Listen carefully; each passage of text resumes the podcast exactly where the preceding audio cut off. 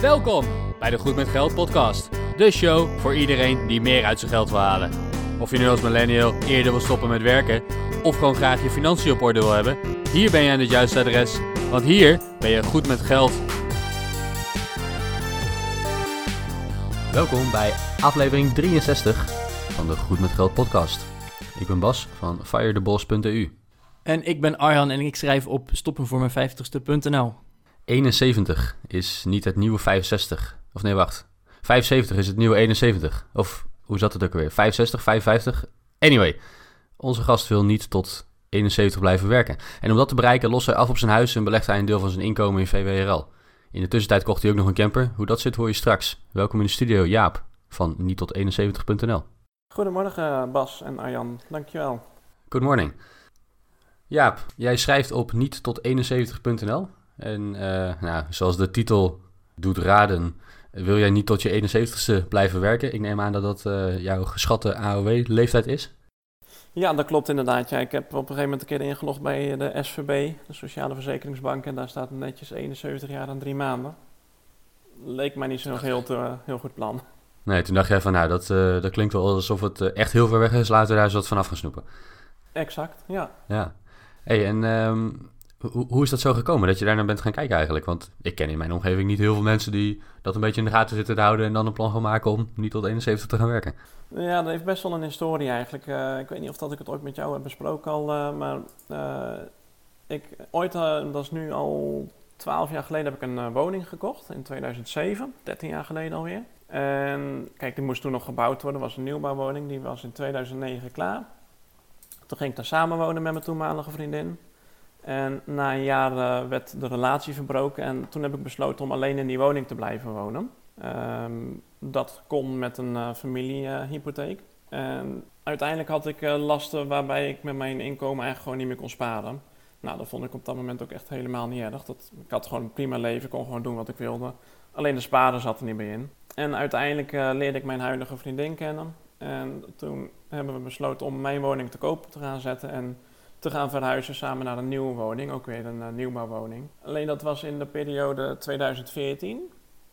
En nou ja, we weten allemaal wat er toen op de woningmarkt aan de hand was. Die was niet zo heel erg goed.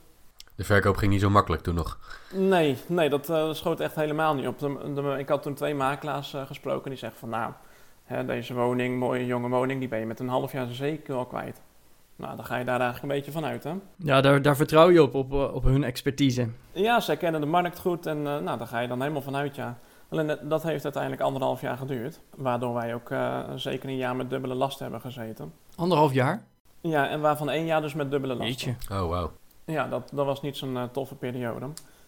dat heeft ook best wel, ja, best wel wat woorden opgeleverd eigenlijk. bijna ruzies zelfs onderling. Uh, we zijn er gelukkig heel goed doorheen gekomen uiteindelijk. Maar ja, dat, dat was best wel een hele lastige periode. En uiteindelijk uh, is dat uh, zover gekomen dat we de huidige woning waar we nu zitten, die we toen hadden gekocht. Nou, we hebben van alle kanten extra geld moeten, vandaan moeten halen. Want ook in die periode dat we die hypotheek afsloten, zat onze hypotheekadviseur in een persoonlijke crisis. En zijn secretaresse die was van werk, uh, die, die, was niet tot in staat om uh, te werken. Nou, daardoor is echt van alles misgegaan daarbij ook. En ja, we kwamen gewoon echt geld tekort om deze woning te kunnen betalen. Ja, dus je had een, een woning gekocht en je oude woning stond te koop. Dus je had eigenlijk al een, een dubbele verplichting. En dan was er ook nog eens een crisis bij je hypotheekadviseur en uh, geldtekort en, en al dat. Waardoor het eigenlijk gewoon steeds slechter ging. Ja, klopt. Dat, uh, dat, dat, al, met al uh, kwamen wij denk ik uh, een kleine 30.000 euro tekort. wat de hypotheek dus niet kon opvangen. we hadden een overbruggingshypotheek op, de, de oude woning zo gezegd. En we hebben toen, ik, ik, had nog een kleine erfenis te goed. die heb ik toen gekregen. die werd naar voren gehaald eigenlijk al. En we hebben uiteindelijk ook nog een persoonlijke lening van 18.000 euro moeten afsluiten. Wauw. Jeetje. Dat zijn forse, forse bedragen, ja. Dat zijn bij elkaar forse bedragen, ja. En zo konden we hier en daar sprokkelend toch die 30.000 euro bij elkaar halen. Want ja, je kan je voorstellen, de nieuwe woning, daar hadden we eenmaal een jaar op gezegd. De hypotheek was getekend. Hmm. Ja, en om er dan afscheid of dan weer ervan af te komen, dan kost je ook gewoon 10%. Ja. aan boete. Dus dat was ook geen optie. Nee, dus hè, je, je, je zat gewoon met, met twee kwaden eigenlijk en je moest er maar het beste van maken. En echt geld van alle kanten proberen aan te trekken om, uh, om inderdaad die lasten te kunnen betalen. Ja, exact. Ja. Zeker om ja, die laatste termijnen te betalen van die hypotheek. Ja, die rekening moet gewoon betaald worden. En zie maar hoe je aan het geld komt. Nou, van, bij de bank hoefden we dat niet te gaan proberen. Uh, in, in die tijd uh, had mijn vriendin nog geen vast contract. überhaupt had ze nog maar net werk. Ze was net student af. Dat maakt het ook niet makkelijk? Maakt het niet makkelijker, nee. Nee, we hebben toen zelfs nog de studielening van haar achter wegen gehouden eigenlijk niet verteld aan de bank. dat, dat, kan gelukkig. Dit is geen financieel advies trouwens voor de luisteraar. Zeker um, niet. Nee, misschien, misschien niet het verstandigste wat je kunt doen. nee, nee. Ik moet wel zeggen, wij hebben die hypotheek afgesloten op um, het inkomen wat mijn vriendin had in haar studententijd. Uh, die had gewoon over de afgelopen drie jaar een aanwijsbare inkomen.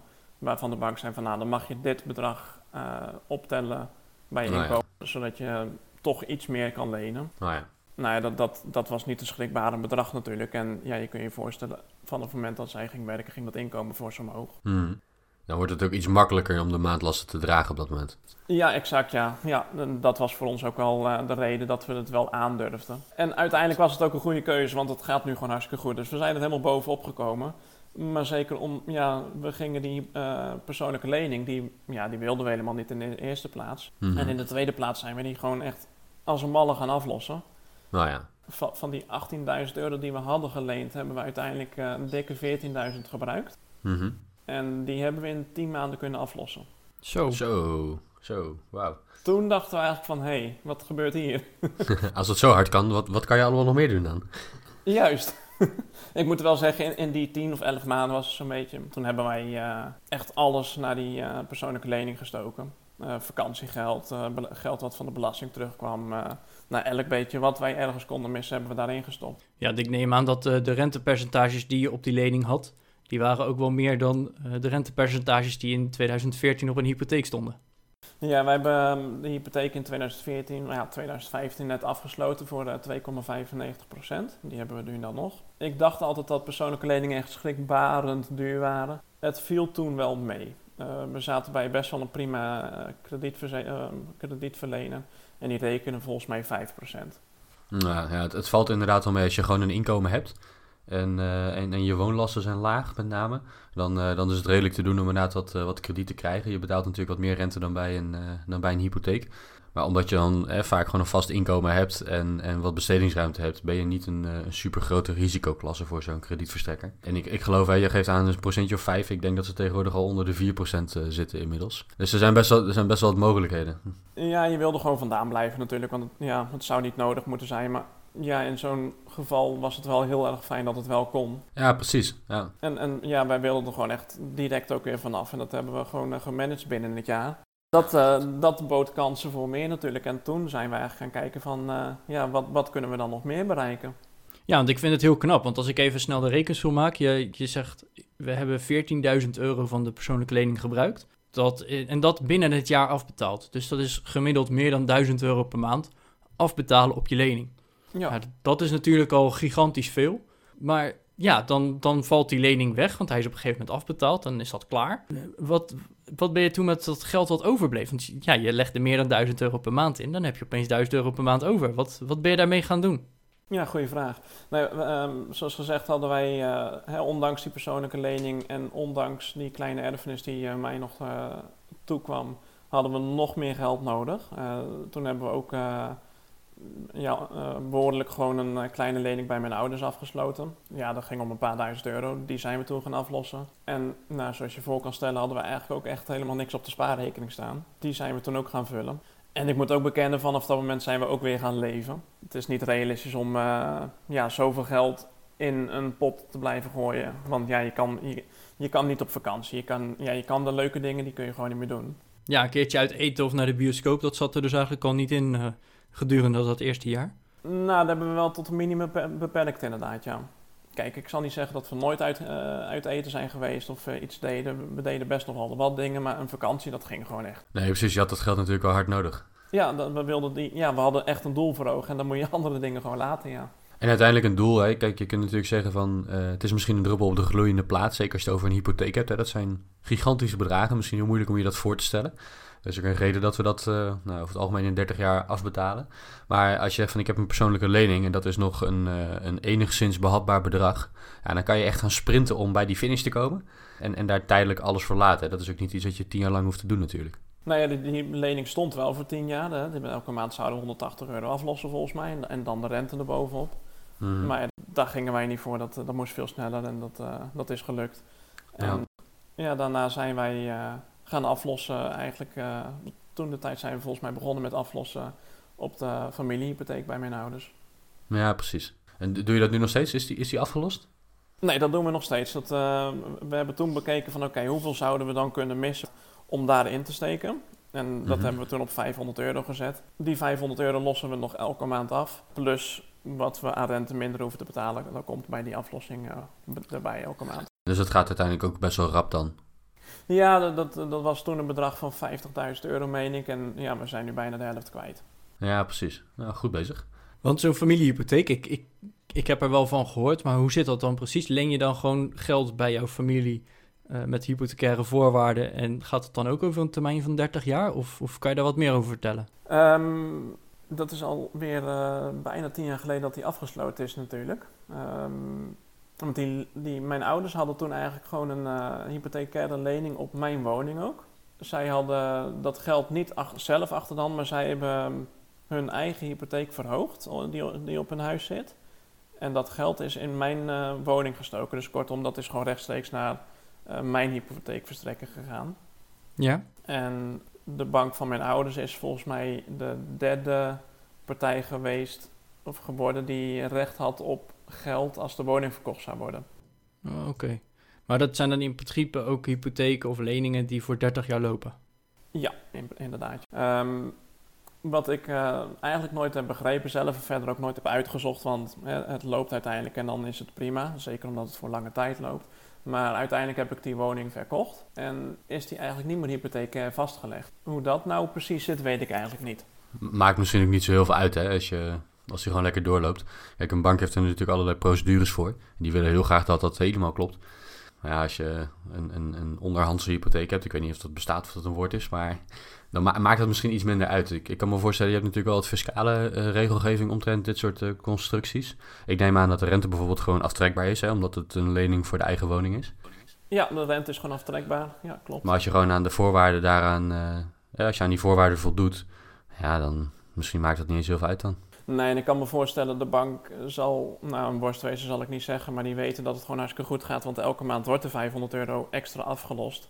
Ja. En ja, de, de rente wordt netjes betaald en dan is er eigenlijk niet zo'n, uh, zo, zoveel meer over te zeggen natuurlijk. Nee, precies.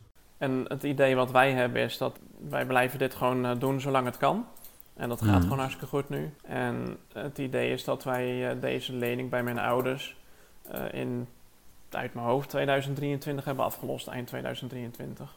Nou ja, ja. En dan komt er natuurlijk ook op dat moment best wel weer een stuk cashflow vrij, die nu wel in die lening gaat. Ja, daar, daar zie ik naar uit. ja, precies. Dat kan ik me goed voorstellen. Dat, uh, dat is een mooi potje dat in je budget vrijkomt dan.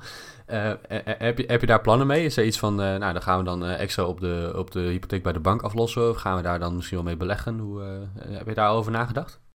Ja, wij hebben op onze eigen woning twee leningdelen. Ehm, ik heb een, uh, zelf een uh, hypotheek die van voor 2013 is, dus toen mocht je nog aflossingsvrij afsluiten. Ik heb dus een, in deze woning ook een grote pot aflossingsvrij ehm, hypotheek. En de rest is annuitair vastgelegd. Dus dat annuitaire deel, dat lossen we sowieso af. ja. En, nou, het was toen ongeveer 50-50 en dus er blijft nou, iets meer dan 100.000 euro aan aflossing openstaan eigenlijk. Mhm. Op dit moment heb ik uh, zoiets van, ja, dat blijft gewoon lekker zo. En heb ik zoiets van, als die cashflow dus vrijkomt, dan ga ik dat liever beleggen. Ja, precies. Want je kan natuurlijk zeggen van, ik wil het aflossingsvrije deel ook gaan aflossen. Maar ja, kijk, jouw woning is natuurlijk een stuk meer waard dan uh, alleen het aflossingsvrije deel van je hypotheek. Uh, ook qua risico denk ik dat het goed, uh, goed overzien is. Hè? Het is niet dat hij uh, maar een paar procent meer waard is. Nee, hij zal waarschijnlijk een, een aantal keer zoveel waard zijn als wat die, die aflossingsvrije hypotheek nog is. Dus wat is nou het grootste risico dat je daarmee loopt? Ja, het voordeel van zo'n constructie is denk ik dat je gewoon een hele lage ja, hele lage maandelijkse betaling hebt, waardoor je op andere manieren inderdaad vermogen kan opbouwen. Inderdaad, ja, eh, ja, je belegt weliswaar met geleend geld, maar wat je aangeeft, het is gewoon een heel erg klein risico. Ja, je belegt met geleend geld. Ik vind dat altijd een beetje lastig. Ik ben, ben het daar persoonlijk niet zo mee eens, want eh, doe je dan ook je boodschappen met geleend geld? Hm. Nou goed, dus dat is, ehm, ja, dat, is- zo kan je erover denken inderdaad. Eh, ik denk dat het in sommige gevallen, en nogmaals geen financieel advies hier, maar ik denk dat het in sommige gevallen zeker zin heeft om, eh, om een stuk financiering over te houden. Zeker, zeker met de huidige rentestanden en zeker als je het makkelijk kunt betalen en je huis is veel meer waard. Ik denk dat er ook wel een groot verschil tussen zit van... Hey, we, roepen dit is geleend geld en een hypotheek, ja het is geleend geld... maar er zit wel een onderpand tegenover. Eh, dat is nogal wat anders dan wanneer je zegt... hey, ik ga naar de bank, ik vraag 10.000 euro aan lening... en eh, dat investeer ik meteen huppa op de beurs. Ja, maar ook dan heb je een onderpand. Dan zijn de aandelen namelijk een onderpand. Alleen die zijn wat meer volatiel en eh, nou goed, er zit wat meer risico in misschien. Ja, maar dan ga je echt investeren met een, een geleend bedrag. Dus dat, dat vind ik wat anders. En ondertussen, eh, ja, heb je, je lost nog steeds heel erg af op je hypotheek. Dus eh, het geleende deel wordt ook steeds kleiner. Dus eh, een, een interessante discussie natuurlijk. Nee, klopt ja, en- maar uiteindelijk zie ik er meer heel in om dat te gaan beleggen. En ja, maar wat eh, Bas ook zegt, met die, dat geleende geld weliswaar, ja, dat, er staat gewoon onderpand tegenover. En dat onderpand wordt eh, momenteel alleen maar duurder. Dus ja, dan zie ik daar geen risico's in. Ja. Be- beleg je nu ook al? Ja, wij beleggen nu ook al ehm, in, zoals eh, je bij de introductie aangaf, in de VWRL, in een eh, ETF. Dat doen wij nu drie jaar bijna, met vrij kleine bedragen nog. Maar toch, ondanks die kleine bedragen, zijn we de afgelopen weken best wat kwijt, eh, geld kwijtgeraakt. ja, want voor de luisteraar, we nemen dit op op eh, 14 maart. Nou, en zoals je wel weet is dat eh, net even de periode geweest waarin corona eh, lekker door de aandelenbeurs heen is gegaan. Maar goed, dat, eh, ja, maar voor de lange termijn is, dan moet je er misschien niet al te druk over maken. Ik heb er nog geen eh, moment eh, wakker van gelegen en ook nog niet over ingezeten. En ik heb mijn vriendin, die niet echt eh, pro-beleg is, eh, ook af en toe mee laten kijken. En die zegt van ja, dat is toch niet erg voor ons. Ik zeg nee, dat Nee. is inderdaad niet erg. Dat, eh, Nee, want je blog die heet niet tot 71. En ik heb gelezen dat je doelleeftijd een beetje, ja, 55 zoiets. Dat is een beetje je doel. Om, om dan te kunnen stoppen met werken. Zit daar een berekening aan vast? Of wat, wat is je visie op het eerder kunnen stoppen met werken? Ja, er eh, zit niet echt een berekening op, aan vast. Eh, ik heb wel gekeken van nou, als wij inderdaad elk jaar om en erbij de 14.000, 15.000 euro, wat dus met die persoonlijke lening gelukt is, als we dat elk jaar kunnen wegzetten, eh, of aan het, aan, aan het werk kunnen zetten, of in ieder geval rijker kunnen worden, dan zou je over, eh, ik- voor de luisteraar, ik ben nu 34, en dan zou je over die eh, periode best wel eens een flink bedrag kunnen sparen. Waar ik dan tegen de tijd van eh, zou durven te zeggen van oké, nu zijn we er wel, nu hoeft het niet per se meer om te gaan werken. En dan, Ja. zeker omdat we een sociaal vangnet in Nederland hebben, ja, in die periode kun je dan eh, best wel eh, voldoende cash of aandelen of wat dan ook bij elkaar sparen om, eh, om je leven vanaf dat moment echt een stuk eh, aangenamer te kunnen maken. En, en wat houdt aangenamer in? Ja, toen ik het uitsprak dacht ik ook bij mezelf, werken vind ik heel erg leuk. Niet dat ik dat niet aangenaam vind, maar het kost ook heel veel vrije tijd. En ik denk dat dat best wel anders ingedeeld mag gaan worden. Want wat, wat zou je dan bijvoorbeeld gaan doen als je minder zou werken of niet meer zou werken? Ja, ik weet niet of dat ik niet meer zou gaan werken, maar ja, ik denk wel minder. En sowieso lijkt het mij echt heel erg fijn om eh, de vrijheid te hebben. Dat als je het ergens niet meer leuk vindt of eh, een projectje staat je niet aan of wat dan ook. Dat je kan zeggen van nou prima, dan ga ik iets anders doen. Of misschien even een half jaar niks doen of eh, drie maanden. Of, ja, dan heb je veel meer keuzes natuurlijk. Dan krijg je echt keuzevrijheid. En is die keuzevrijheid, we begonnen al in de introductie erover, die keuzevrijheid, wat is dan de relatie met de camper? Ja, ik schijn ooit tegen mijn ouders gezegd te hebben: als ik later groot ben, dan ga ik een camper kopen. Als ik ooit eens een keer met pensioen ben, ga ik een camper kopen. En toen ging ik vorig jaar een camper kopen en eh, die heb ik aan mijn ouders laten zien. En die, die, die zeiden van, ben je met pensioen dan? hij, hij zat eerder niet, dan verwacht. Ja, ja, ja. ja. Dus nee, maar ja, ons eh, lijkt het echt heel erg fijn om met de camper rond te reizen. Eh, we hebben dat tot op heden nog niet echt heel veel kunnen doen, omdat we de camper eind vorig jaar gekocht hebben. Eh, dus we hebben nog niet echt, kunnen, echt goed kunnen testen. Maar inderdaad, ons idee lijkt gewoon heel erg fijn om eh, met de camper rond te gaan en dan echt die vrijheid te hebben van ja, waar je ook gaat. Je hebt je huisje bij je. ja. Ja, dat je inderdaad een maand of misschien wel twee maanden kan gaan trekken door Europa of door waarheen ook. Ja, inderdaad. Ja. Ja, dat, dat hebben we nu voor deze zomer ook gepland staan om eh, volgens mij bijna 3,5 weken eh, rond te gaan reizen. Oh, vet. Het idee was Italië in, in juni ergens, maar dat duurt nog gelukkig nog vrij lang. Maar eh, wat Bas al zei, de, de coronacrisis die eh, doet ons misschien later eh, anders besluiten. Maar Maar goed, ook dat is de vrijheid van de camper. Ik neem aan dat je nog niet alles hebt vastgelegd. nee, dat, eh, we zijn in september toen, afgelopen september, wel een weekje weg geweest. En dan, ja, je gaat gewoon rijden en ziet maar waar je terecht komt. En eh, je hebt ook nog een kindje.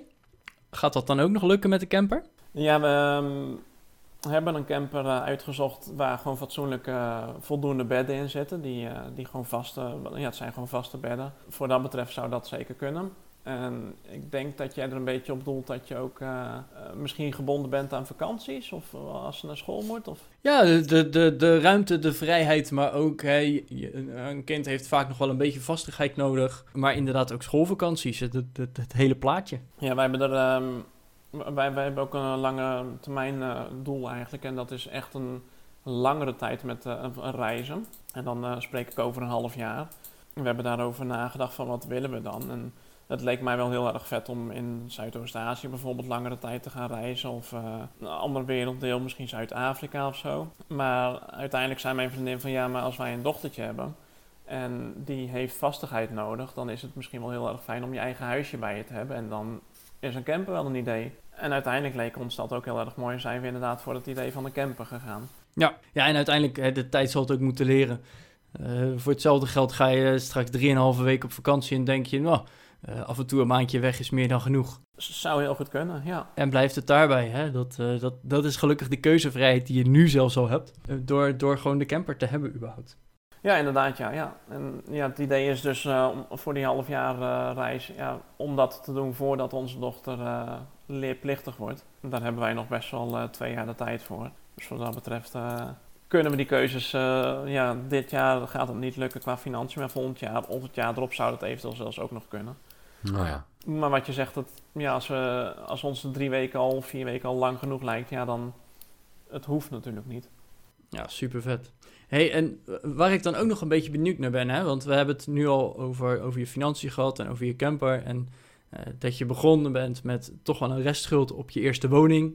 En dat je ondertussen keihard aan het aflossen bent. Waar ik dan heel erg benieuwd naar ben, hou je, dan, hou je dat nog ergens bij? Hou je iets van een administratie bij of zo? Want we hebben, wij van de Goed met Geld podcast roepen al nou, eh, 63 afleveringen ondertussen. Eh, een administratie is toch wel erg handig. Eh, het is zeker niet verplicht. We hebben zelfs een hele af- aflevering opgenomen van... hey, kan het ook zonder administratie? Daar zijn we achter gekomen dat het ook lukt. Maar hoe doe jij dat? Nee, ik hou zelf eh, wel een administratie bij eh, in Excel. Dat is een vrij basale Excel-sheet die ik daarop eh nahoud. Maar dat doe ik inderdaad al wel eh, nu zo'n vier jaar. Eh, dat ik gewoon eh, alles eh, bijhoud eh, wat er uitgaat en wat er inkomt. Eh, daarnaast hou ik ook een eh, netto waarde bij. Omdat ik dat heel erg interessant vind om te zien hoe dat groeit eigenlijk eh, in de loop der tijd.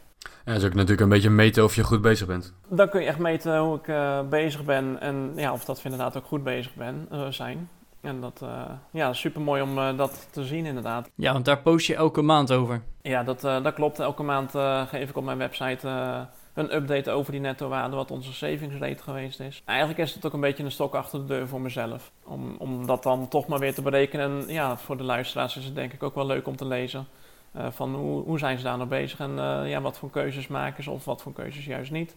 Dat probeer ik daar ook in terug te laten komen. En dat lukt dan ook om het een beetje op peil te houden. Hè? Want eh, je persoonlijke lening heb je in een jaar afbetaald. Dus daar was je savings rate eigenlijk gewoon gigantisch hoog om die schulden af te kunnen betalen. Nou, daarna is het lager geworden, want hè, je bent gewoon gaan leven, zoals we dat eerder hebben genoemd. Eh, lukt het nu om dat wel een beetje stabiel te houden?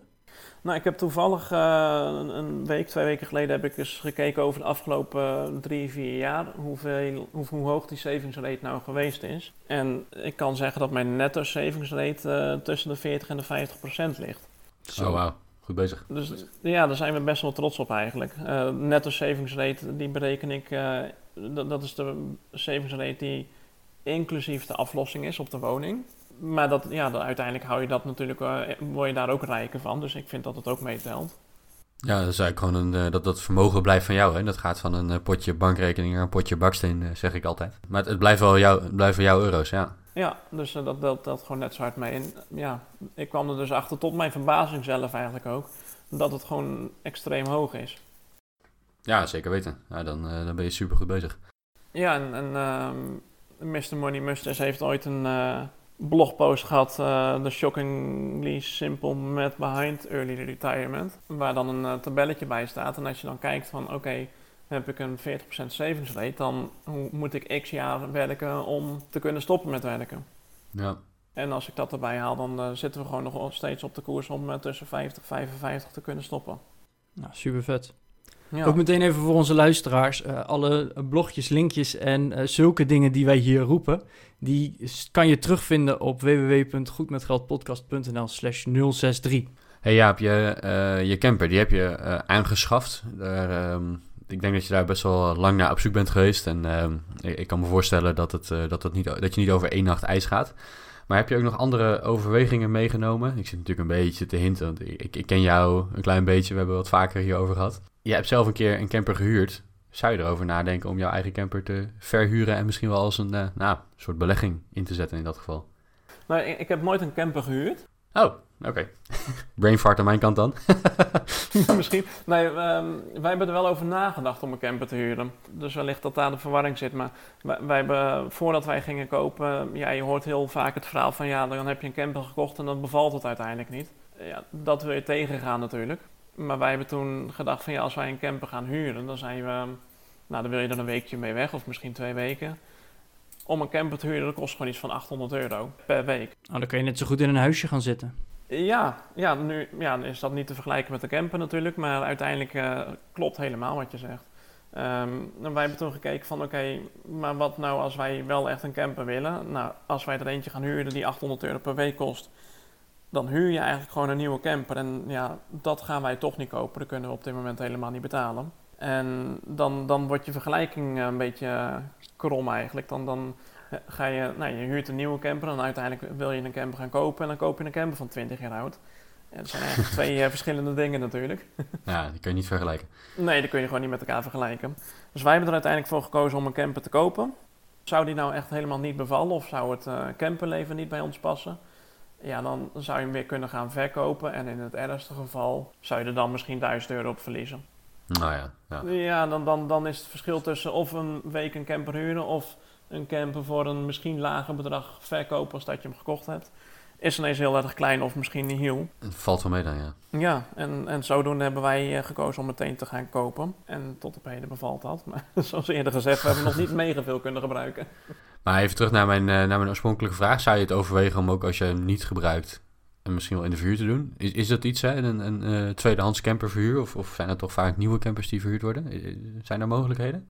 Daar zijn zeker mogelijkheden. Momenteel is de camper, eh, kijk het is een, echt wel een oude camper, uit de jaren 90 komt hij. En nou, hij heeft ook de inrichting eh, of de styling van de jaren 90. Dat zijn wij zelf een beetje aan het eh, oppimpen. Nou ja, En, en hier en daar heeft hij gewoon wat reparatie nodig. En ja, gewoon netjes gemaakt moet hij worden, zeg maar. Dus daar zijn we mee bezig. Ehm, ik weet niet of dat, dat dit jaar eh, afkomt. Maar anders zou ik hem bij wijze van volgend jaar, als we hem zelf niet gaan gebruiken, best wel durven te verhuren. Ehm, er zijn bepaalde platformen voor die dat eh, faciliteren. En ik heb daar wel eens ingegeven van wat voor een camper we hebben. Hoeveel personen erin gaan. En nou, voor onze camper met het jaartal kun je maar zo eh ja, 500, 600 euro per week eh, ontvangen. oh wauw. Wauw. Nou, dan, eh, dan verdien je hem redelijk snel terug ook nog. Als je hem zo terugverdient, ja. ja. ja, jongen, jongen. Nou, misschien eh, de beste investering die je ooit hebt gedaan dan, in dat geval. ja, dat zou maar zo eens kunnen als we dat eh, inderdaad gaan verhuren. Ja, dat zou best wel een goede investering uiteindelijk kunnen zijn. Dus ja, ik sta er zeker uiteindelijk voor open, ja. En ja, als je hem zelf niet gebruikt, het is ook zonde eigenlijk als zo'n ding stilstaat. Ja. En ja, als je, als je hem via zo'n platform verhuurt, hij is gewoon verzekerd. Dus ja, ik moet nog de echte risico's uitzoeken, maar ik, eh, ik sta er wel voor open. Ja, nou, dat is wel heel interessant inderdaad. Ja, Jaap, eh, aan elke gast die wij in onze podcast hebben, eh, gaan wij de Goed met Geld vragen stellen. Eh, dus ook aan jou. Heb je eerder onze vijf vragen voorbij horen komen? Ja, heb ik eerder gehoord, ja. ja. Oh, dan ben je voorbereid. Nou, dan ben ik heel benieuwd naar jouw antwoorden. Dus eh, laten we gewoon van start gaan. Eh, Jaap, wat is jouw grootste financiële blunder? Nou, of dat ik het een blunder moet noemen, dat is natuurlijk eh, één ding. Maar ja, toch de, twee, de aanschaf van de tweede woning eigenlijk. Ja, ik had het niet kunnen voorzien dat het een eh, echt een probleem zou worden op dat moment. We hebben het uit, uitvoerig besproken, maar ja, veel andere blunders heb ik eigenlijk niet eens echt gemaakt voor dat betreft. Het is in ieder geval dan je grootste leermoment. Dat is echt wel mijn grootste leermoment, ja. ja kijk, echt een blunder voor, vooraf had ik hem niet kunnen overzien, denk ik. Uh, dus misschien is het geen blunder, maar ja, het was wel eventjes pijnlijk. ja, dat uh, kan ik me goed voorstellen. Hey, wat kan je nu dat je graag vijf jaar geleden al had willen kunnen? Ja, dat is toch beleggen. Dat, uh, dat doe ik nu dus sinds drie jaar. En ja, misschien is dat uh, wel mijn grootste blunder, dat ik daar niet veel eerder mee begonnen ben. Dat, uh, als ik dat, dat horen vaker, ja. Ja, als ik dat veel eerder had gedaan, dan had me dat al wel meer euro's opgeleverd, denk ik. Nou ja, het beste moment om te beginnen met beleggen is 20 jaar geleden. Nou ja, het ene beste moment is nu, dus op zich. Ja, helemaal niet slecht gedaan. Nee. Niet, niet, meer, over, niet meer over inzitten dat het. ehm, ja, je kan het toch niet meer veranderen. Hè? En, je bent begonnen, dat is het belangrijkste. Ja, uh, ik, ik, was uh, 30, uh, 31 toen ik begon. Uh, mijn vriendin die, is drie jaar jonger, dus die was 27. Nou, volgens mij doe je het dan echt heel erg netjes. Dat denk ik ook. Ja, volgens mij ook. Hey Jaap, waar sta je dan over vijf jaar? Ik hoop dan dus een lange reis gemaakt te hebben. Mijn netto waarde die, is 100.000 euro overstegen in ieder geval. Wij hebben wel eens besproken, wonen we dan nog in deze woning of niet waar we nu zitten? We denken steeds vaker van ja, daar wonen wij dan nog. Het is gewoon een hele fijne ruime woning, dicht bij een stadscentrum. De huizenprijzen schieten door het dak hier. Dus nee, voor dat betreft geen reden om te verhuizen. Dus verder is mijn leven niet heel drastisch anders dan dat het nu is, denk ik. Welke bron van informatie zouden de luisteraars moeten kennen? Dat kan een boek zijn of een blog, een podcast, een YouTube-kanaal. Noem het maar op. Maar wat, wat is nou een bron van informatie die iedereen zou moeten kennen volgens jou? Ik luister tegenwoordig best wel wat podcasts. Uh, uiteraard die van jullie. Uh, Superleuk. Maar ja, maar een van de weinige Nederlandse podcasts als het gaat om persoonlijke financiën, denk ik. Um, dus zeker een aanrader. Choose FI vind ik een hele leuke. de Mad Scientist vind ik een leuke podcast. En gek genoeg hoor je hem bijna nergens, maar Rob Burger die heeft ook een podcast, dat is een Amerikaan. En die heet de Dough Roller, de deegroller in het Nederlands. waar gaat hij over? Die gaat ook echt over persoonlijke financiën. Oké, okay. ik kende hem ook niet inderdaad. We gaan zeker de links naar al deze podcasts opnoemen in de show notes. Dus, dus voor de luisteraar, als je heel erg benieuwd bent en je wil naast de Goed met Geld podcast nog wat andere toffe dingen luisteren, dan check even de show notes op www.goedmetgeldpodcast.nl slash 063. Wat ik uh, als side note wel wil zeggen over die Amerikaanse podcast, uh, Joseph I met Scientist en die Dough Roller. Dat zijn uh, echt Amerikaanse gasten en die spreken natuurlijk heel erg over de situatie hoe die in Amerika is. Denk over de 401k, de 529 hoor je ze vaak over. Ja, dat is voor ons totaal niet interessant natuurlijk, maar ja, de hele, het hele idee verder is eigenlijk gewoon hetzelfde natuurlijk. Ja, nee, inderdaad, dit soort um, de, de mindset uit die podcast die is heel bruikbaar. En um, of je nou in Amerika woont of in Nederland of ergens anders op deze wereld, dat maakt er niet zoveel uit. Um, de hele specifieke belastingtechnische dingen of pensioenregelingen, dat soort zaken, ja, dat, is, dat is gewoon niet zo interessant. Ik merk zelf dat ik ze vaak skip als het over dat soort onderwerpen gaat. Voorheen had ik nog wel eens van, nou, ik luister zo wel en tussen de regels door haal je ook heel veel andere informatie op die wel interessant is.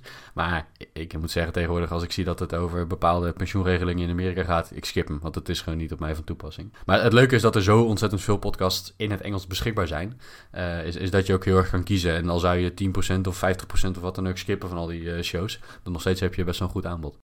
Ja, inderdaad, ja. Ja, uh, dus dat, dat zijn dingen die, ja, die raad ik mensen zeker aan om te gaan luisteren. Ja, goede, goede tips. De laatste vraag, Jaap. wat is jouw advies over het uh, aflossen. En ik doe in dit geval natuurlijk op je, op je persoonlijke lening waarin je het super snel deed. Over het uh, misschien wel super snel aflossen van je schulden. Wij gebruiken de zogenaamde sneeuwbalmethode. En ik denk dat iedereen die aflost dat zou moeten doen. Dat is uh, een methode. Je, je begint op uh, moment uh, 1 met aflossen. Dan moet je een aflossing doen. Ik noem even van 100 euro per maand. Als je die eerste aflossing hebt gedaan, hoef je de tweede maand minder rente te betalen.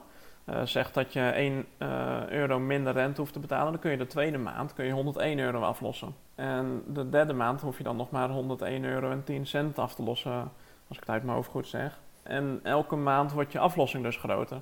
Maar het bedrag dat je aan je aflossing plus rente kwijt bent, dat blijft gelijk. Dus uiteindelijk merk je het in je cashflow, merk je het niet eens. Maar de aflossing gaat wel veel harder. Waardoor je dus ook aan het einde van de looptijd uh, eerder klaar bent. Dat is een hele goede tip, ja. Laat die sneeuwbal inderdaad steeds groter worden. En eigenlijk alle besparingen die je doet, ga je dus weer opnieuw inzetten om, eh, om extra af te lossen. Ja, exact. Ja, wil je meer weten over deze sneeuwbalmethode of misschien wel over de lawine-methode? Kijk dan ook vooral even in onze show notes. Eh, we zullen een linkje opnemen, want we hebben daar ook nog een hele podcast over opgenomen. Ja, wij willen je eh, heel erg bedanken voor eh, jouw tijd op deze vroege zaterdagochtend. Graag gedaan. Voor jouw inspiratie, voor je kennis en ervaring over dat aflossen van je lening, maar ook over het kopen van een camper en lekker op reis gaan. Ja, heel erg bedankt. Ik hoop dat je het leuk vond. Ja, ik vond het superleuk, hè? absoluut. Ja, het was hoog tijd dat het ging gebeuren, want het stond al lang in de planning. maar eh, nee, het was hartstikke leuk om te doen.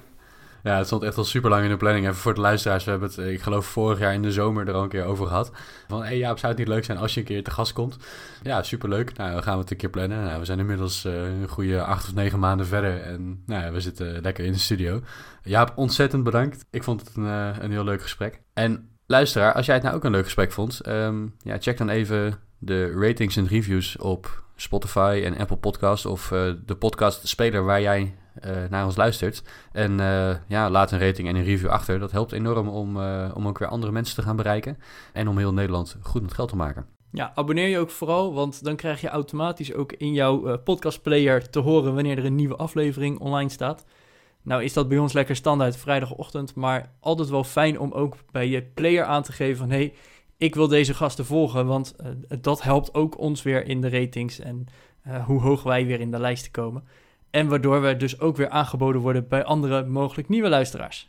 Dit was Goed met Geld, aflevering 63. Tot volgende week. Tot volgende week.